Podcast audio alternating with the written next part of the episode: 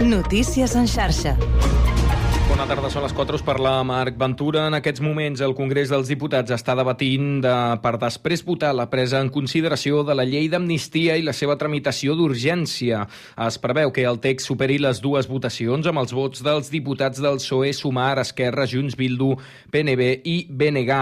En absència de Pedro Sánchez, ha obert el debat el portaveu dels socialistes al Congrés, Pachi López, com a grup que va registrar el text. Després ha sigut el torn del líder popular, Alberto Núñez Feijó, qui ha replicat i ha afirmat que avui és el dia més trist del Congrés dels Diputats des de l'intent de cop d'estat del 23F. Y esta tarde el Congreso de los Diputados se ha convertido en una Cámara triste. Es la sesión más triste y más decadente de aquella tarde del 23 de febrero de 1981. La más triste, la más decadente y la que afecta a nuestros derechos y a nuestra dignidad como nación. Sí, señorías, esto es un fraude. Seguiran les rèpliques i les intervencions de la resta de grups parlamentaris per ordre de menor a major representació. Així doncs, els primers seran els membres del grup mix i els últims els de Vox. Si es compleixen els terminis, la llei podria quedar definitivament aprovada al Congrés a finals d'aquest mes o a principis de gener. I encara en clau política, el PSOE ha anunciat que la seva formació presentarà una denúncia per delicte d'odi davant la Fiscalia contra el líder de Vox, Santiago Abascal, per les manifestacions al diari Clarín, on afirmava que els espanyols finalment voldrien veure el president del govern, Pedro Sánchez, penjat pels peus. A tot això, Espanya assegura que ja tingut conversacions amb Bèlgica, que ostentarà la pròxima presidència del Consell de la Unió Europea per mantenir l'oficialitat del català, el basc i el gallec com a proposta en l'agenda. Tot i això, Suècia ha criticat avui l'elevada despesa econòmica de la mesura. En cultura, Creatura, d'Helena Martín i Saben aquell, de David Trueba, són les màximes favorites a endur-se un dels Premis Gaudí que atorga l'Acadèmia de Cinema Català. Acumulen 15 i 13 nominacions, seguides de 20.000 espècies d'abejas amb 9 i Un amor amb 8. El Parmarès es donarà a conèixer el diumenge 4 de febrer en la gala que tindrà lloc al Centre de Convencions Internacional de Barcelona. Més notícies en l'àmbit esportiu. El Barça ja és en vers per disputar demà a les 9 la Champions. L'equip ha entrenat a Brussel·les aquest migdia amb novetats a la convocatòria respecte de la que es va fer oficial ahir. Entren finalment a la llista Araujo, Lewandowski Gundogan i continua quedant a fora Frenkie de Jong en procés gripal. Fins aquí les notícies en xarxa. Notícies en xarxa. 4 i 3 minuts. Comença el Connectats.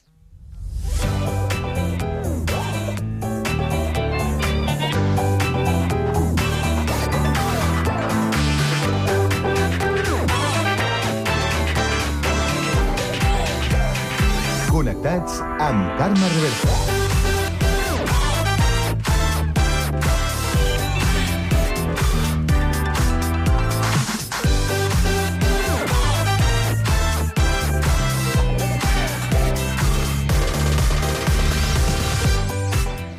Molt bona tarda, salutacions i benvinguts un dia més al magazín de tarda de la xarxa. Aquest Connectats de l'àrea metropolitana de Barcelona, programa que fem, com sabeu, Ràdio Sant Cugat, Ràdio Sabadell, la Ràdio Municipal de Terrassa, el Prat Ràdio, Ràdio Ciutat de Badalona i Ràdio Castellà.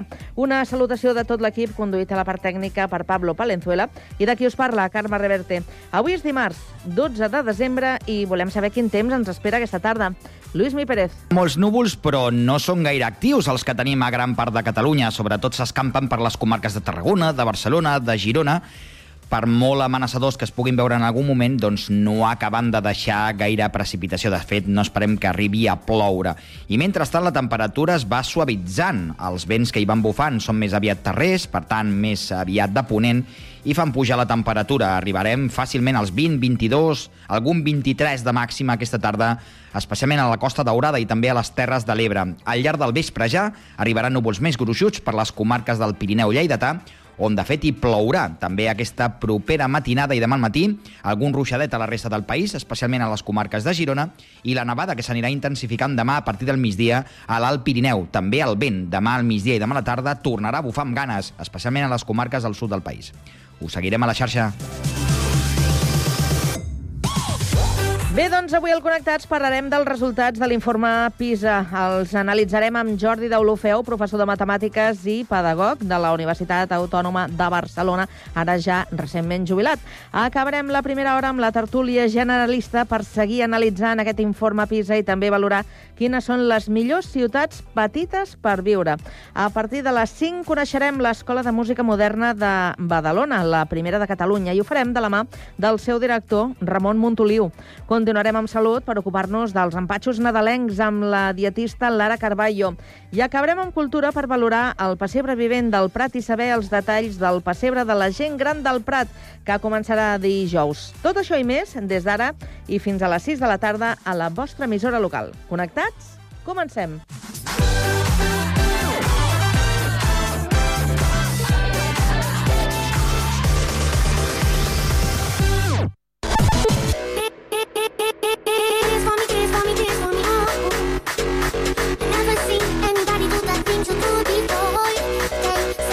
Connectats, una experiència radiofònica a Sabadell, Terrassa, Sant Cugat, El Prat, Castellà i Badalona.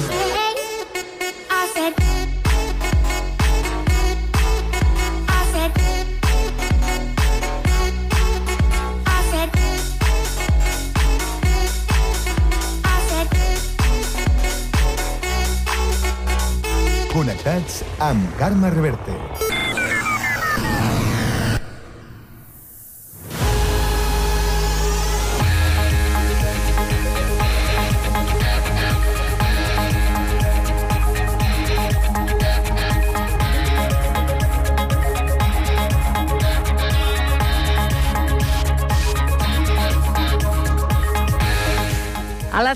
7 minuts ens actualitzem i ho fem amb la ronda informativa que obrim un dia més per Terrassa. Sergi Estapé, bona tarda. Bona tarda. L'Ajuntament de Terrassa aprova en el pròxim ple un augment general del 3,5% dels preus pels aparcaments soterrats. Aquesta proposta inclou tots els aparcaments de la ciutat, tant els que gestiona Garbí, la societat de capital íntegrament municipal, com els que comercialitza la Societat d'Aparcaments de Terrassa, SATSA. L'augment, que en general és similar al de l'any passat, afecta els aparcaments del Vapor Ventalló, l'Avinguda Barcelona, el de Lluís Companys, la plaça del Progrés, el de Primer de Maig, el de Doc- Doctor Robert, la plaça Vella i Raval de Montserrat. L'any passat els increments van oscil·lar entre el 2 i el 9% depenent de la rotació o els abonaments. Pel que fa a les tarifes del sector del taxi, junt amb la Comissió de Preus de Catalunya es proposa un augment del 2,6% en la contractació del transport privat, una rebaixa de més de dos punts respecte a l'any anterior. Gràcies, Sergi. I ara seguim el repàs per la cocapital del Vallès Occidental, a Sabadell. Avui que és notícia. Pau Duran, bona tarda. Bona tarda. La tercera edició del festival Observa comptarà amb Sergio Dalma, 31 Fam, Stay Homes en la seva gira de comiat, El Pot Petit, Albert Pla i Julieta. Se celebrarà del 23 de maig al 16 de juny. Un festival amb propostes transversals, pensat des de Sabadell per tota la ciutat, que omplirà l'amfiteatre del Parc Catalunya amb música d'artistes com Meritxell Nederman, Paula Valls, Belén Natalí, Ocadeu o Ariox. També s'oferirà la segona edició de la nit dels musicals de producció local, enguany centrada en el fenomen gris, el macroaplec Remember, de música dance, i la festa flashback Live and Loud. En aquesta tercera edició de l'Observa també hi haurà l'Espai Village, que comptarà amb restaurants locals, activitats infantils i actuacions musicals. Al Pot Petit, el grup musical infantil, tampoc es perdrà la tercera edició.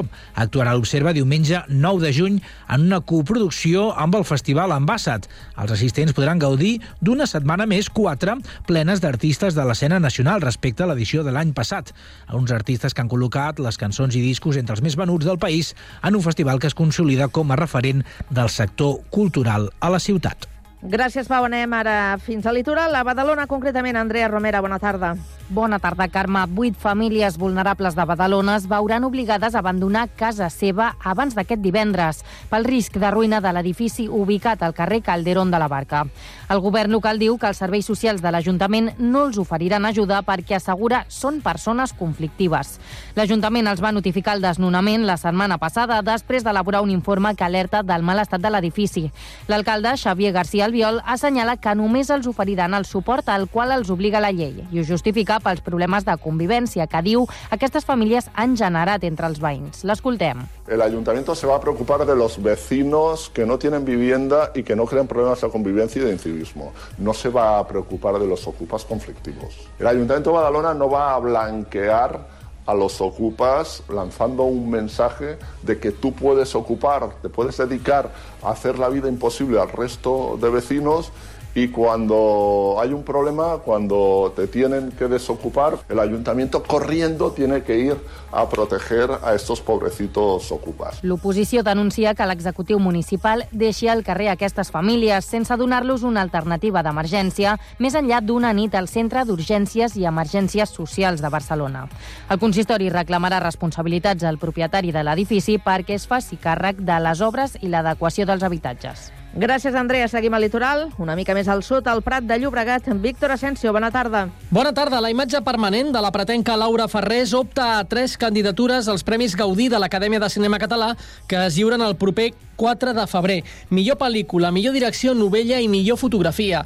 D'altra banda, el primer llargmetratge de la directora Laura Ferrés només ha aconseguit una nominació als Goya, la de millor cançó original per La Gallinita. Ferrés ja va triomfar amb el Goya i el Gaudí a millor curtmetratge per la seva, pel seu anterior treball, Los Desheredados. Encara més reconeixements, en aquest cas a títol pòstum per Agustí Villaronga, que opta a millor direcció per Loli Tormenta, també rodada aquí al Prat.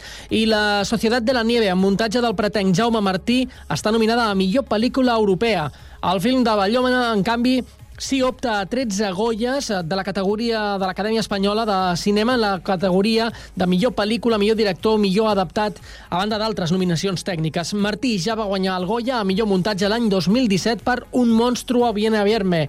Amb la Societat de la Nieve ja són quatre els projectes en què el pretenc ha col·laborat amb Bayona. Gràcies, Víctor. Tornem al Vallès i ara ens quedem a Castellà. Guillem Plans, bona tarda. Bona tarda. L'Ajuntament de Castellà ha tancat definitivament la compra de l'edifici patrimonial de Calgorina. L'associació que residia a l'edifici històric valora positivament la compra de l'immoble, ja que considera que es podria donar continuïtat a les entitats que promouen els valors democràtics, ecologistes i feministes al poble. La compra de l'edifici per part de l'Ajuntament obeja una estratègia de l'equip de govern que va anunciar a principi de mandat es correspon a fer inversions a la compra de patrimoni, com seria el cas de Calgorina. Gràcies, Guillem, i tancarem aquesta ronda informativa amb la crònica de Sant Cugat que avui ens porta Marc Castro. El quinto de Nadal de Sant Cugat del Vallès arriba del 25 al 29 de desembre al PAP 2 de l'ESEM de la Rambla del Celler i enguany ho fa amb novetats. La popular activitat nadalenca autogestionada i impulsada per Cal Temerari ha posat fil a l'agulla per amenitzar les cues que es formen per participar en el quinto i ha creat un sistema d'accés innovador. A l'entrada del recinte, els assistents agafaran número en funció de l'arribada i podran consultar el seu torn en un web que s'anirà actualitzant. D'aquesta manera, no caldrà que els santcugatencs facin cua a les portes del pavelló i es podran anar a gaudir d'altres altres activitats mentre arriba el seu torn. Per aquells que vulguin esperar a l'exterior del recinte, els organitzadors de la proposta habilitaran també una barra amb menjar i beguda amb música en directe. La caiguda de l'embalat en la programació de les activitats de Nadal d'enguany a Sant Cugat del Vallès per les retallades ha provocat que el Quinto torni a canviar la seva ubicació, com dèiem enguany, al PAP 2. Tot i això, els organitzadors de la proposta han remarcat que precisament gràcies a ser una activitat autogestionada han pogut esquivar les retallades. Escoltem Marc Berruezo, membre de l'organització. Crec que és important remar- remarcar que som l'única activitat autogestionada, no? Llavors això a l'Ajuntament també li ha anat bé, de dir aquests estaran i, i igualment, jo només donc el- l'espai ja està, no? I si ens hi fixem, de les grans activitats que hi ha al Nadal som l'única que no hem caigut. I no hem caigut no perquè siguem nosaltres, perquè som l'única que és autogestionada i per l'Ajuntament no significa res. El quinto de Sant Cugat del Vallès també aportarà el granet de sorra en la defensa del català. El lema de l'edició d'enguany és ahir, avui, demà, quinto en català.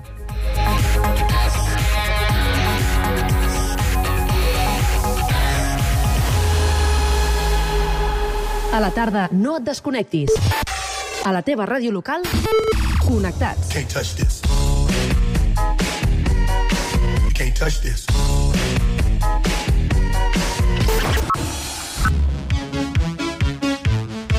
Can't touch this.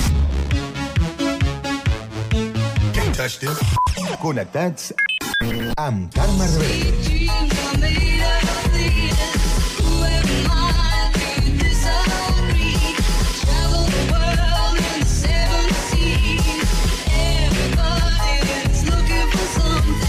Connectats. Un expert Experiència radiofònica a Sabadell, Terrassa, Sant Cugat, El Prat, Castellà i Badalona.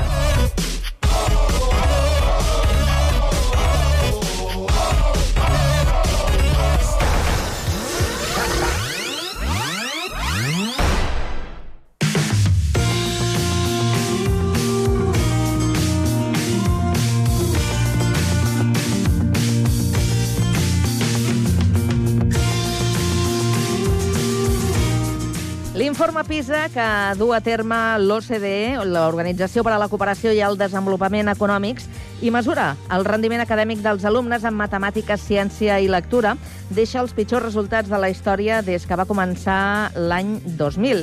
El daltabaix és especialment significatiu a Catalunya, on el rendiment dels alumnes de quart d'ESO ha baixat en picat en les tres matèries que s'analitzen. Avui volem precisament eh, fer un repàs, una ullada a tota aquesta situació i ho fem en companyia d'en Jordi Daulofeu, professor eh, honorari de la Universitat Autònoma de Barcelona. Ell ha estat eh, professor de matemàtiques i pedagog, jubilat eh, de principis d'aquest any. Recentment, Jordi, recentment, el passat setembre. com estàs? Molt bé, molt bé. Sí? Com portes la jubilació? Porto bé, segueixo treballant bastant, Sí? però bé, bé, porto bé, sí. Uh, anem a tocar matèria sensible. Anem, anem a parlar d'un tema complicat. un tema complicat i sobretot després de veure aquests resultats sí. que en això podríem dir que això no és flor d'un dia. Els resultats no, No. són d'ahir ni d'abans d'ahir. No. no. Són conseqüència de, sí. de què? De, què? Deixa'm començar dient una cosa positiva, Vinga. perquè potser després no n'hi ha gaires. Ah. Vinga. La primera positiva és que uh, cada vegada que surt, cada tres anys, uh, l'informe PISA, Mm. uh, parlem d'educació i parlem d'un aspecte concret de l'educació del que normalment no se'n parla.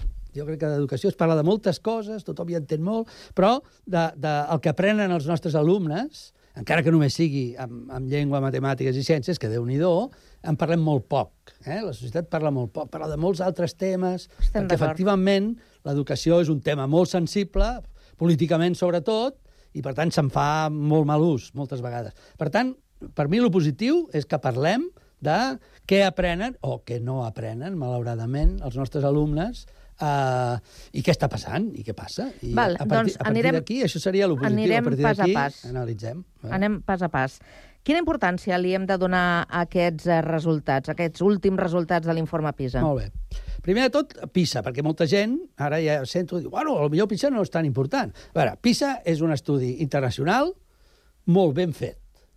És a dir, que això que ha passat aquí, que s'ha dit, que la mostra no estava ben...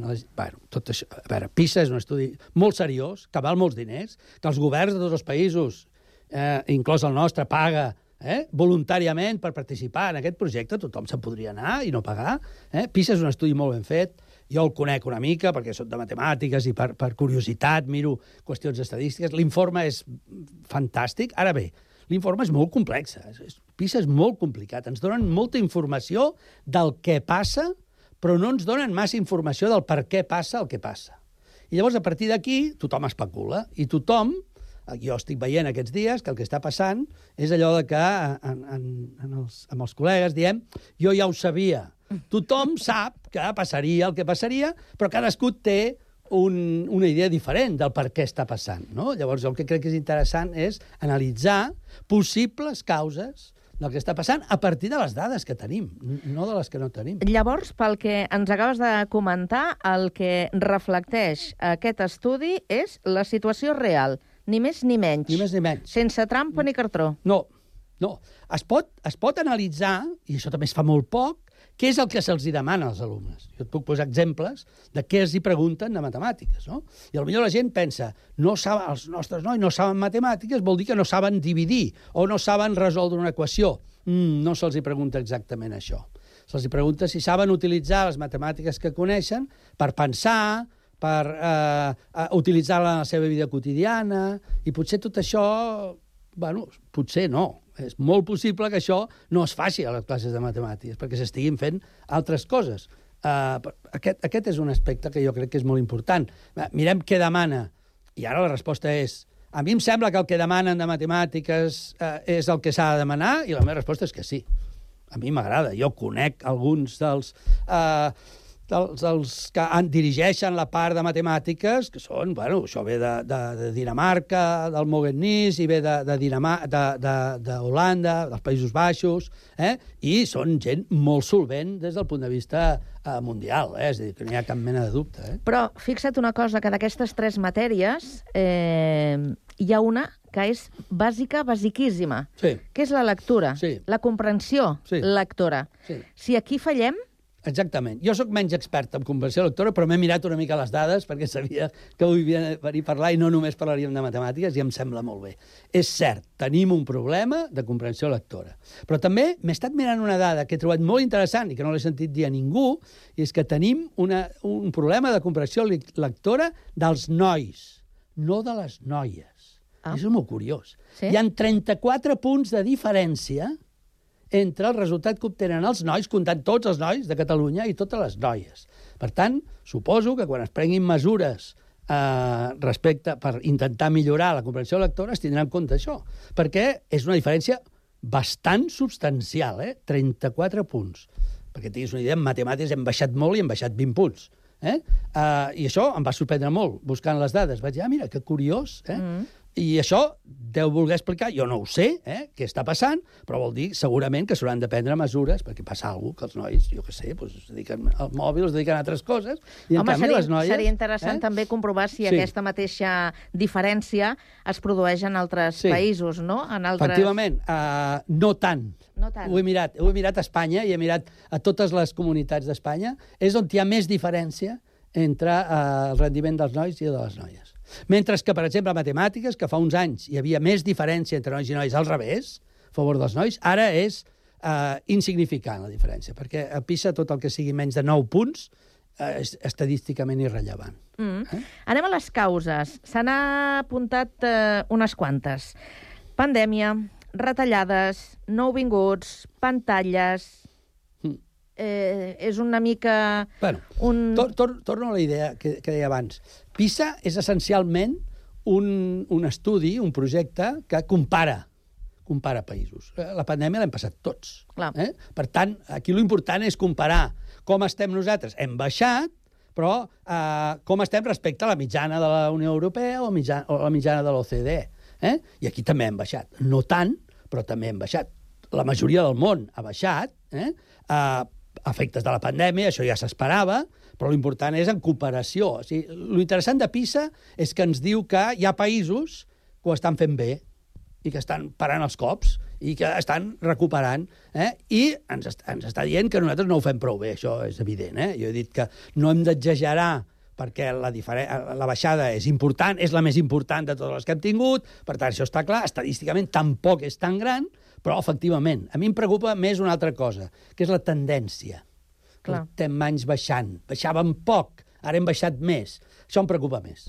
Perquè vol dir que no hem eh, adoptat mesures que ens permetin començar a remuntar, cosa que altres països, davant de mals resultats, adopten eh, decisions que normalment els fan remuntar, a molts, molts casos. Eh? El cas de Portugal, per exemple, és un cas absolutament excepcional. Eh? Vull dir que com tenien uns resultats com els nostres una mica pitjors fa 10-12 anys, eh? i com han començat a, a remuntar, i això són tendències, això no s'arregla en un any, dos anys tres anys, eh? això triga temps. I, i aquest, aquest, per mi, és un dels problemes fonamentals. Eh? Eh, podem, podem, eh, podem eh, deduir que aquests resultats, eh, pel que tu comentaves de la tendència, qüestionen el model educatiu que tenim a Catalunya? Bueno, això és molt fort. Estem avaluant uns, uns aprenentatges eh, i eh, ens qüestionen eh, com ho estem fent en aquests aprenentatges i el que s'ha de fer, i el que, bueno, que s'ha de fer, el que les nostres autoritats ja faran, eh, els nostres governants, si ho fan bé, és analitzar molt bé, amb molt detall, eh, aquestes, eh, el, les correlacions. PISA dona moltes dades i et diu aquests resultats amb què correlacionen. Eh? Per exemple, sabem eh, que hi ha un problema de segregació, eh? i això ho sabem, eh? I, i això ho marquen aquests resultats. Per tant, o ataquem aquest problema eh? o eh, no millorarem els resultats. Uh, jo sempre dic, uh, en temes com aquests, el cafè per a tots no serveix. És a dir, anem a fer, vinga, va, anem a fer millor així en general. No, no, no. no. Per mi s'ha de fer eh? uh, cirurgia, vull dir, mirar exactament on es necessita, on es necessiten els canvis, eh? I és l'exemple que et deia abans de, de la lectura, dels nois i les noies. Vull dir, eh, aquí, si, si fem, intentem millorar tots, bueno, potser millorarem una mica. Si som capaços de fer, en aquest cas concret, algun tipus de- de- d'esforç de, i de, de, de treball per millorar el, la lectura dels nois, això serà molt més fàcil, perquè si estàs molt avall és relativament més fàcil pujar. Eh? Deixa'm que introdueixi un concepte que és el de la cultura de l'esforç. Eh, hem desterrat això una mica també de, de l'educació? Els hi hem posat com moltes facilitats... Aquest és un altre dels temes molt recurrent. Uh, no hi ha cap evidència, no hi ha cap gran recerca que digui que, uh, uh, que uh, fent esforçar més els nois aprenen més. Uh, les persones aprenem quan volem aprendre. Uh, I quan les emocions per aprendre són positives. Eh? I quan, per tant, quan el sistema, l'escola i els professors aconseguim entre tots que els nostres alumnes vulguin aprendre.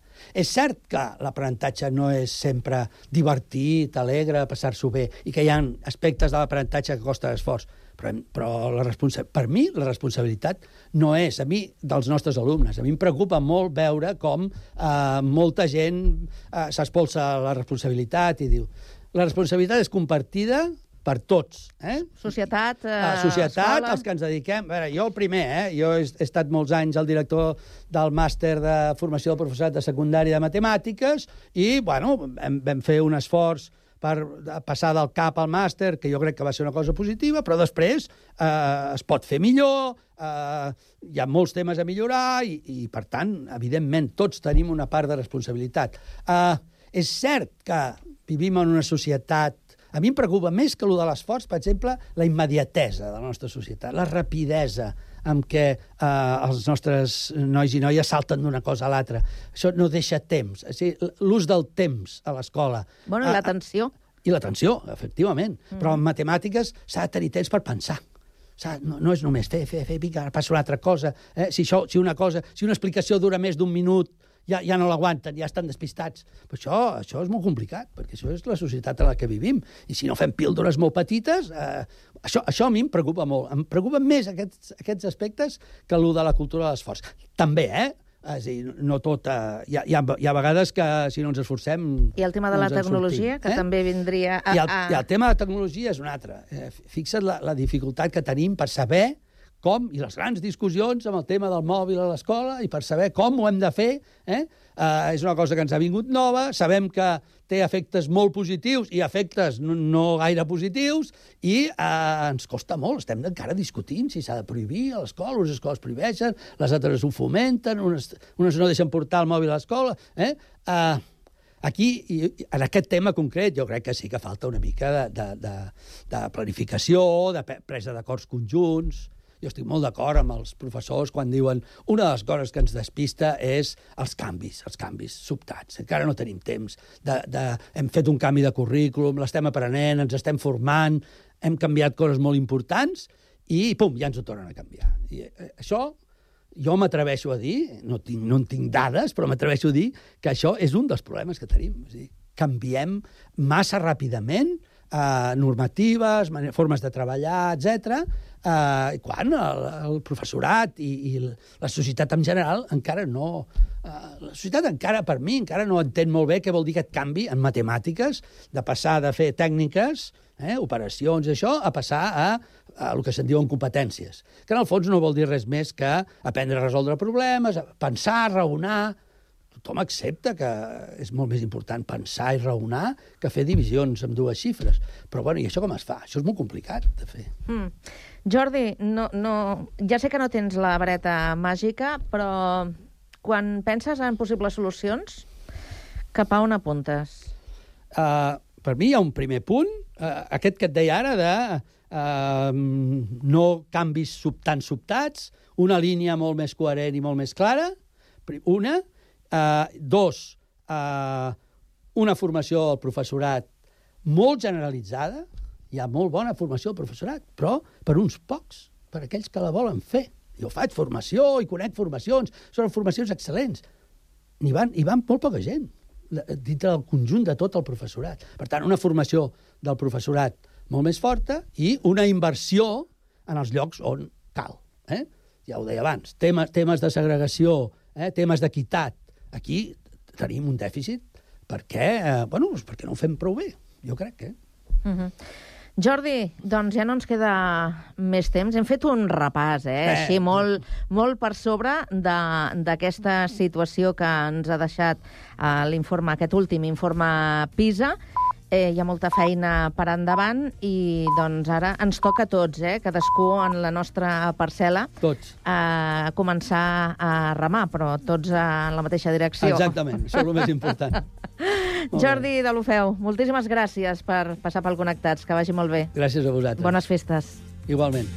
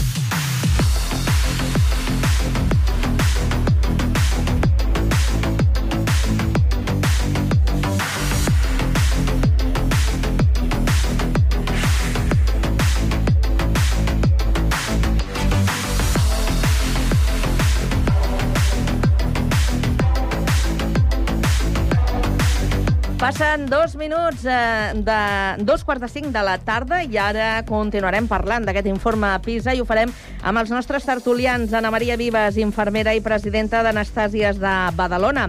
Què tal? Bona tarda. Bona tarda, Carme. Com estàs? Bé, bé, bé.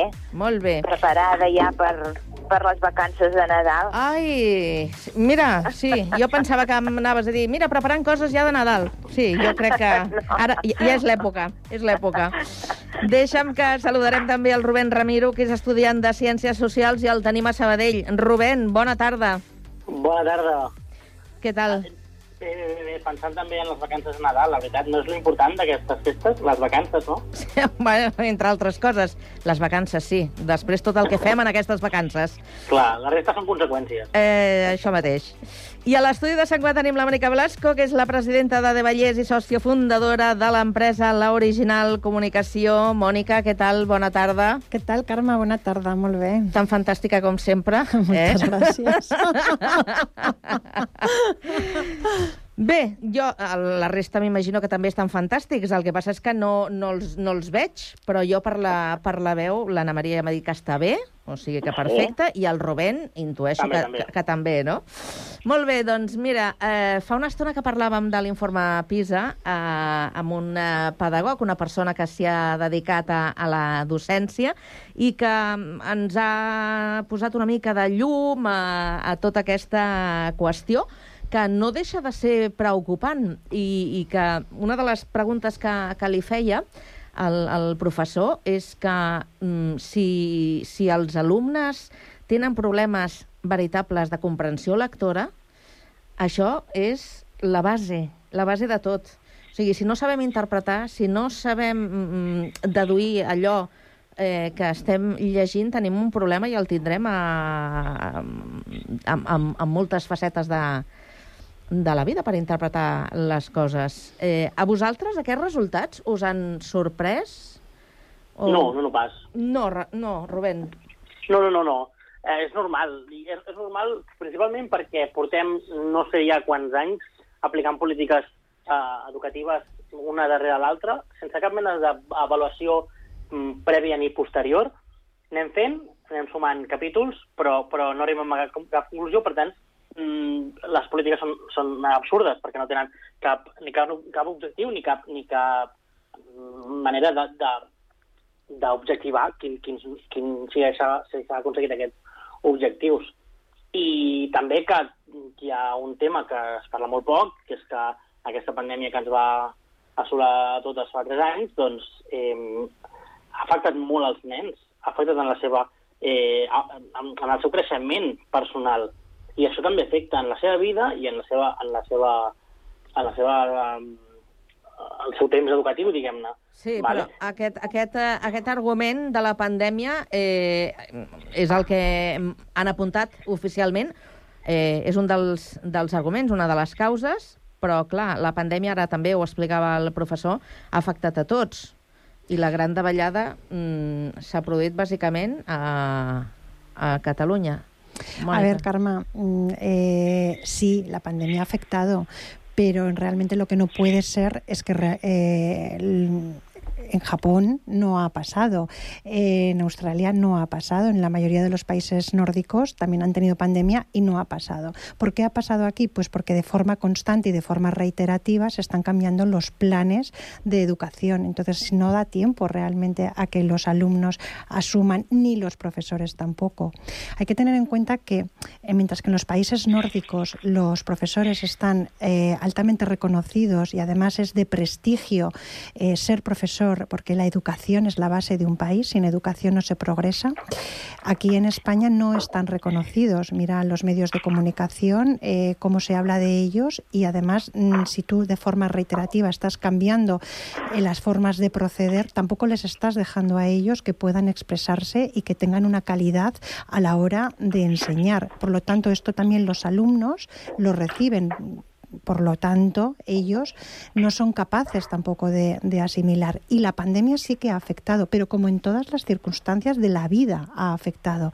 Lo que no pueden ser los padres son los educadores. Los, los padres estamos para hacer otro tipo de educación, la educación real, la que es la de comprensión lectora, la de los ejercicios de matemáticas, los que te ayudan a pensar son en las escuelas y luego en casa tiene que haber ese refuerzo y esa ayuda eh, para poder avanzar. Y luego, claro, están las clases eh, bueno, pues de ayuda para aquellos alumnos que no, que no lleguen, porque no todos tienen el mismo nivel y no todos llegan.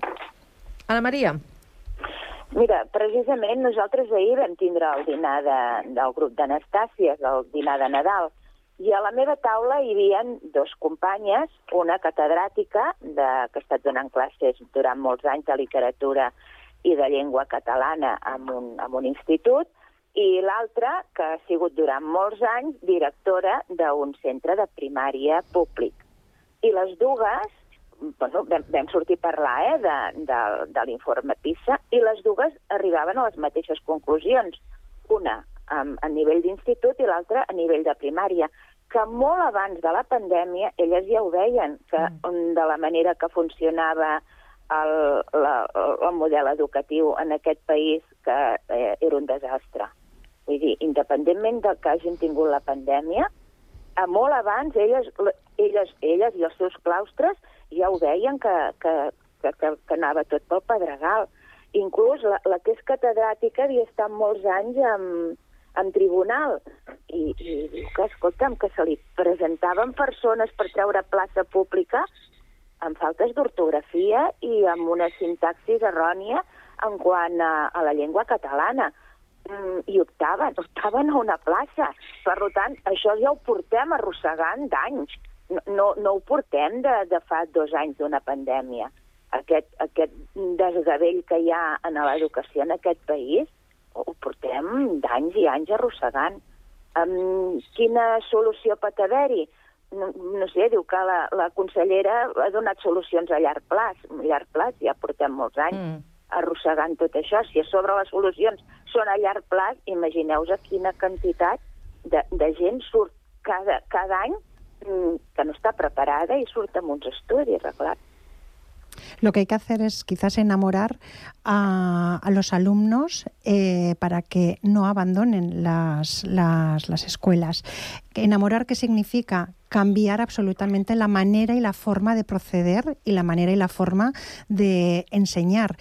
El profesorado tiene que estar enamorado de su profesión y lo está, pero también está muy frustrado porque los resultados son los que son. Entonces, ¿qué es lo que hay que, a mi juicio, hay que hacer? Escuchar qué es lo que la sociedad pide, qué trabajos son los que se solicitan. No es estudiar por estudiar y enseñar matemáticas por enseñar, sino es explicar realmente cuál es la utilidad de saber bien esos algoritmos, de saber bien por qué eh, se necesitan esos, ah, esos, mm, no sé, esas ecuaciones y también por qué se necesita saber de historia, por qué se necesita saber de filosofía, por qué se necesita saber quiénes son eh, nuestros escritores y por qué han escrito esas cosas. Sí, però ara, de, a, a tot això que tu fas referència té eh, molt a veure amb la manera com estudiàvem nosaltres abans. Hi havia molta qüestió memorística, per exemple. Correcte. Y era, y era un rollo.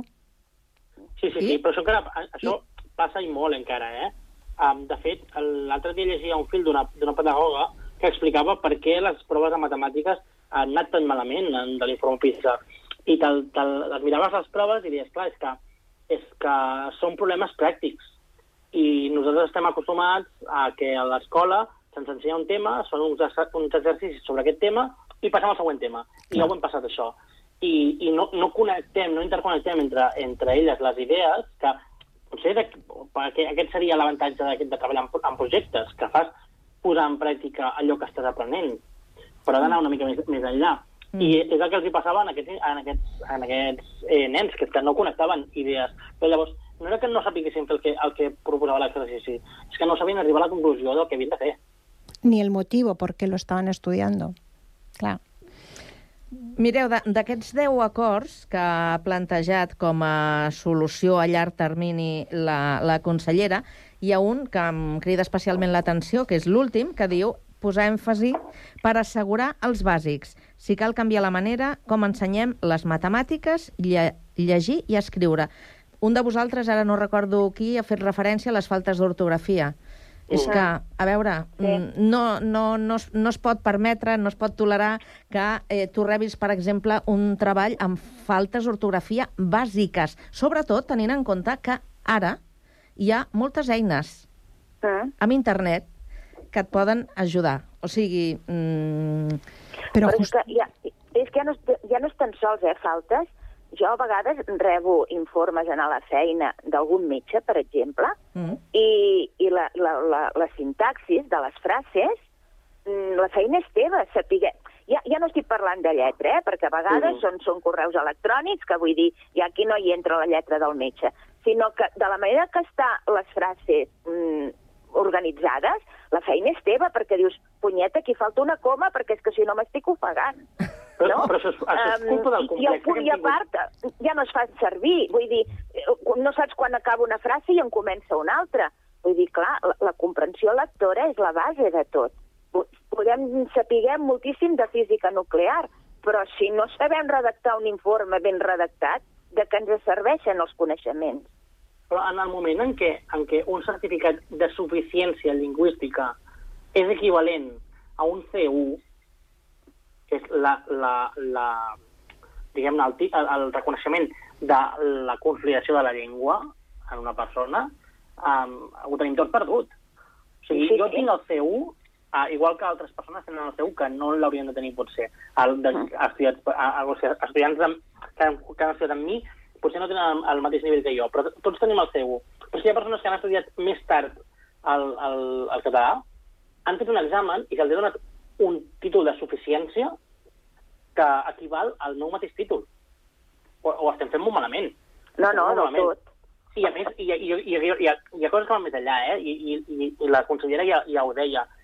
Eh, perquè l'informe diu, per exemple, que les privades eh, van millor que les públiques. Però clar, que el Japó també va millor que, que, que a Espanya, per exemple. No, clar, és que potser hem d'anar més el focus de l'origen i no perquè el, diguem que el, els arbres no ens deixen veure el bosc, en aquest cas. Eh, I és, és la pobresa. És a dir, el, el, el, no me'n recordo quin era el càrrec de la persona que va dir aquella bajanada de que, de, de que uh, la culpa era de que teníem una sobre, sobrerepresentació dels immigrants. La consellera mostra. dijo. Fue la No, no, la consellera. conse- No, va ser no, hi ha un altre càrrec, També? sí. Sí, era un altre càrrec, era un home, era un home. Sí, Em, però, però en realitat no anava mal encaminat, perquè no és perquè fossin gent migrada, és perquè són gent pobra. Tenen menys recursos, per tant, tenen menys capacitat eh, i temps de dedicar-se a, a, una, a un estudi d'excel·lència. És, és, és evident que un, una persona que porta els nens a la privada pot permetre un... o Unas generalment- extraescolares. els escolars, es pot permetre eh, el repàs, etc perquè que el seu nen arribi a una excel·lència. Que un, un, una persona mm, de barri eh, amb, amb beca menjador i sense recursos no, no els té, no els té. I, I és aquí on hem de posar el focus. Això està demostradíssim. Ja, ja o sigui, és, és evident que la desigualtat afecta en molt gran part en el, en el resultat dels estudis. Una persona eh, nascuda en un barri obrer eh, amb, amb pares sense estudis té moltes menys possibilitats que un nen del centre amb els dos pares amb estudis universitaris d'acabar una carrera. I això ho sabem des de fa anys. Sí, tant, pero también hem- yo me he estado mirando las estadísticas en Portugal, que en Portugal no es que fueran muchísimo más eh, mejores que, que, nos- que aquí en España y sobre todo también en Cataluña comparativamente en el- lo que es en la densidad de población y hay un punto en el que bueno el ministro de Educación decía claramente que lo que ha habido son un consenso político en la base en la que no se ha modificado las raíces para poder llevar adelante una nueva ley en la que los alumnos se pudieran, lo que he dicho antes, enamorar del sistema educativo. Ha habido pequeñas reformas, pero el tronco fundamental, todos los partidos políticos han estado de acuerdo. Y este es el gran problema. Aquí es, este es el gran problema, que aquí cada vez que hay un partido nuevo cambia, porque mm, yo entre la LOE, la LOCCE, la no sé qué, o sea, este, estoy, La es que es- es- la- exacto, eso es horroroso, pero si no nos aclaramos nosotros cómo se van a aclarar estas criaturas, es Clar, imposible. De fet, de fet, vam començar el curs i el, i el currículum encara no estava publicat. Vull dir que vam començar el és. curs sense saber què, què ensenyàvem.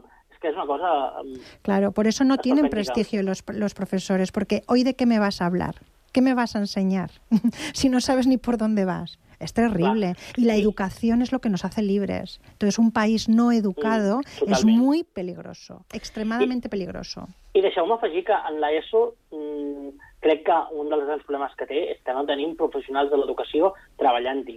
Tenim gent que s'ha tret una carrera i ha, tret, ha, ha escollit com a sortida laboral a ser, ser professor, però no tenen vocació de- d'educació. Per tant, um, no, no estan sabent transmetre realment els, els seus coneixements als alumnes, perquè ells no estan gaudint tampoc de la seva feina. Tu veus les mestres i la, les passen ho passen malament perquè, perquè no tenen recursos, perquè se les han d'inventar totes per, per tirar endavant una classe. Però ho fan.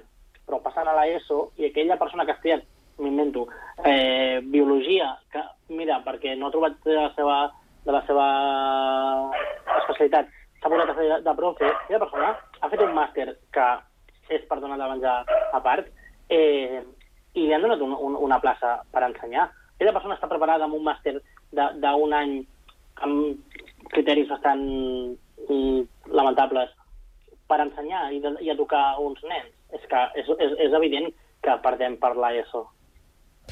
Eh, introdueixo un altre element que ha comentat el professor, eh, el de l'aprenentatge ràpid, el d'anar pim-pam, pim-pam, ràpid, eh, sense fer les coses amb el temps que, que, que requereix. I el que provoca, o sigui, en una societat en la que tot ja és bastant fast, el slow no és que estigui de, de moda, eh, això provoca doncs, que, que hi hagi una falta de- d'atenció per part de, dels alumnes.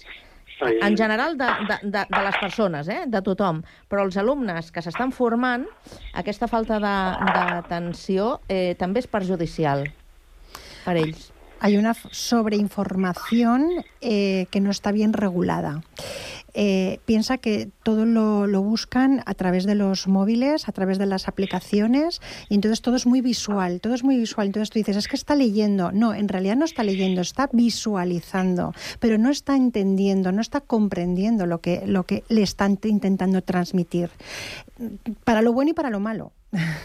y que además siempre se suelen quedar eh, justamente en el, en el otro lado. Por lo tanto, si esta es la tendencia de ir totalmente rápido, rápido, por eso yo decía al principio que tendremos que ver qué es lo que necesitan las empresas para adaptar esa educación rápida, pero con un cierto acercamiento hacia la comprensión. Porque no es lo mismo. A mí me pasa, yo contrato gente y cuando contrato gente y les explico qué es lo que tienen que hacer, tengo la sensación de que no me entienden. Y yo creo que hablo bastante clarito y despacito. Tú hace muchos años que me conoces, Karma. Pero tengo una sensación de que no me entienden porque creo que quieren que, como más rápido todo lo que, lo que tiene que pasar, una, una visualización más global. Y a veces no, tiene que ser una visualización más especial. Mm. Jo crec que també hem perdut una mica el sentit d'escoltar, Hmm. en general, eh?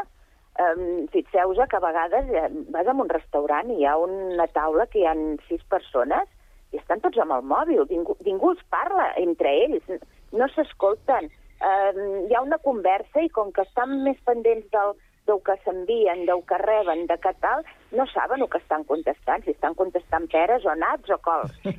Jo crec que la, la, la, la, la, ja no, la comprensió lectora em preocupa, Sí. però el de no saber escoltar, jo a vegades em trobo, eh, inclús, vull dir, persones doncs, que, que venen apurades a la feina, no?, perquè tenen algun problema greu a casa i tal, i, i, i els intentes explicar alguna cosa i veus que, que t'estan mirant i, i tu penses, a la tercera paraula que t'he dit, tu ja t'has perdut.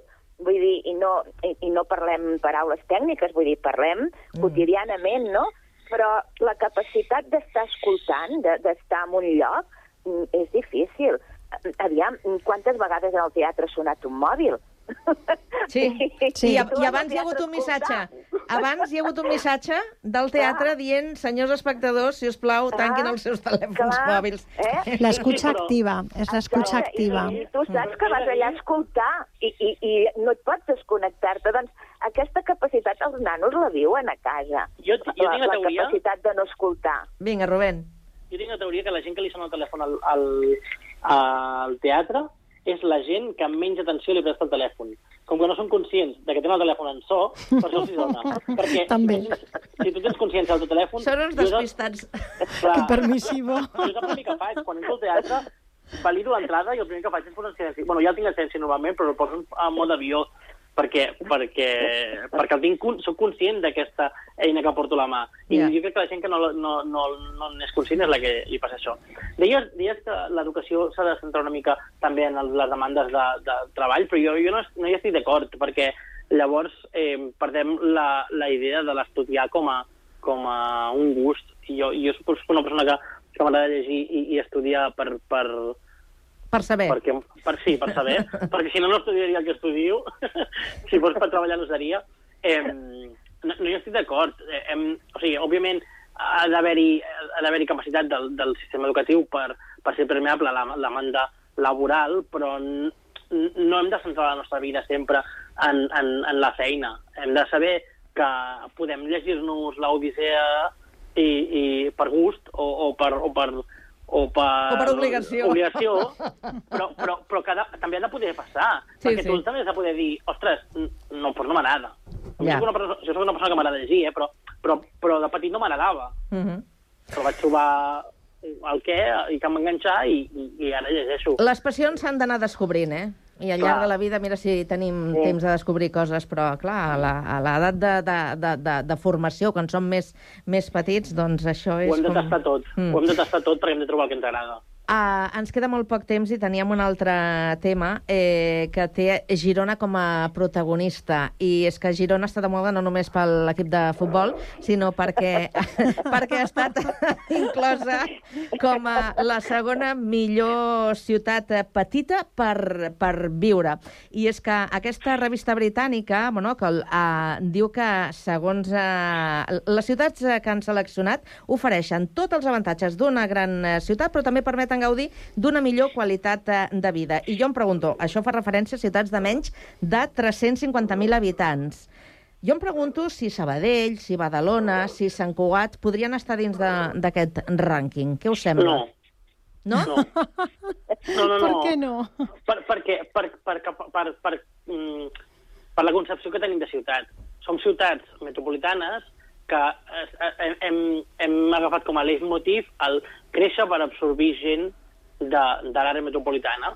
I aquest és el nostre motiu d'existir. Ara ja, ja, no, ja no som ciutats productives, ja no som ciutats industrials, som ciutats de dormitori. En canvi, veritat. Girona té, té la seva pròpia essència com a ciutat i, per tant, és una, és una ciutat gran, però també és petita, perquè no, té, no tinc la necessitat de créixer exager- exageradament com les nostres ciutats. És que, és que clar, mm, 200.000 habitants en una ciutat que no para de créixer mm, i que no té projecte com a, com a ciutat, ni Mm. té història, perquè són ciutats que, que no guarden la seva història tampoc. En canvi, Girona s'enorgulleix de, la seva- de la seva història i té un casc antic eh, conservat i, i, per tant, tenen essència de ciutat, tenen projecte i, eh, clar que, òbviament, és més, és més maco de viure-hi. Estan al lloc 14, eh? Jo he dit el segon, no. M'he precipitat. No, no. Dic, tant, el, el futbol va com un coet, però la ciutat encara, encara va una mica més, a no, poc a poc. que la segona és Santander, no? Eh, Crec, la segona és Santander, sí. Sí. Sí. Aquesta m'ha sorprès a mi, veus? Sí? Sí, no, no, Mm, Bueno, no es que, bueno, No, pero yo- que a Santander que también le pasa, bueno, antes estaba San Sebastián y Santander le pasa lo mismo, tiene Mm. cosas eh, como ciudad, que tiene también la universidad, tiene la playa, tiene un Cualidad enclave, sí, tiene un Mm. enclave muy mágico y a la misma vez eh, también eh, tiene un turismo de calidad, que eso también es muy importante, tener un, tu- un buen turismo de calidad y, y luego tiene un casco histórico chulo. Bueno, mm, a Santander también le pasa. Ahora, yo quiero una, yo voy a lan- hacer una lanza por San Cugat. Molt eh? ràpid. Molt ràpid. Home, aquí se vive superbé. I realmente tenemos, estamos molt a prop de, Ho de Barcelona. ho reivindiquem. Però se vive molt bé, molt bé. Senyores i senyor, eh, ho deixem aquí. Que tingueu molt bones festes, si no ens tornem a trobar abans de Nadal. Igualment. Igualment, per una abraçada. Bona tarda. Adéu-siau, bona tarda.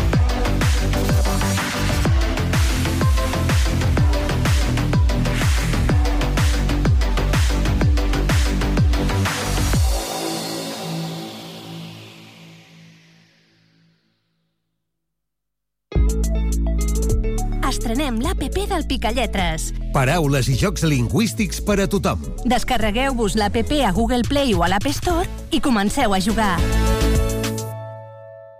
Cada mes, els alumnes dels instituts Leonardo da Vinci, el Centre de Formació d'Adults i el Col·legi Pureza de Maria expliquen l'actualitat dels seus centres a Ràdio Sant Cugat. Primer de batxillerat van visitar el laboratori. Al final de cada classe ens fa un experiment. També ens fan recomanacions. De fantasia eh, puc dir eh, una saga que es diu Crave. Ens diuen què els agrada. Jo espero els canelons de l'àvia. A mi m'agraden molt els animals. A mi m'encanta cuinar. I ens posen al dia amb la música que escolten. El Nadal més tropical de Gertrudis. Jo he escollit eh, La gent d'estimo, que és de Oques Grasses. No My Responsibility, de Billie Eilish. Els instituts santcugatencs a Cugat Mèdia. Els dijous a les 10 a Ràdio Sant Cugat i en podcast a cugat.cat i a Ull Crític. Nosaltres. Nosaltres som feliços. Nosaltres som així.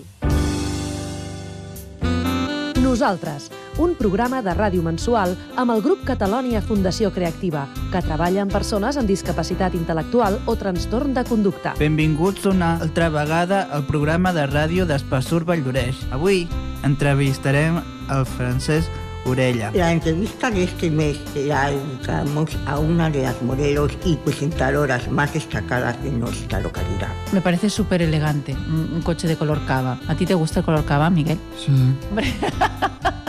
Avui entrevistarem a la Gemma Mengual. De festa un dia amb les amigues també, si podíem. Igual que jo. Clar que sí, s'ha de fer això, s'ha de fer. Nosaltres, cada mes a Ràdio Sant Cugat, Cugat Mèdia. Nosaltres som genials. Cocodril Club. Si t'agrada la bona música dels anys 60, 70, 80, escolta Ràdio Sant Cugat els divendres a la nit de 10 a 12. És el temps del Cocodril Club, tot un clàssic de la ràdio. Recorda, divendres, de 22 a 24 hores, a Ràdio Sant Cugat, 91.5 FM. Cocodril Club, el programa revival de l'Albert Malla. Hasta luego, cocodrilo. No pasaste de caimán. No és el mateix ser els integrants del millor grup de la història que ser el millor grup de la història. Per això, el grup català Occident serem Occident, perquè per continuar assegurant-ho tot, tot i tot, ens havíem d'ajuntar tots, tots i tots. Entra a seremoccident.cat. Aquest Nadal confia els teus àpats a Teca Summer.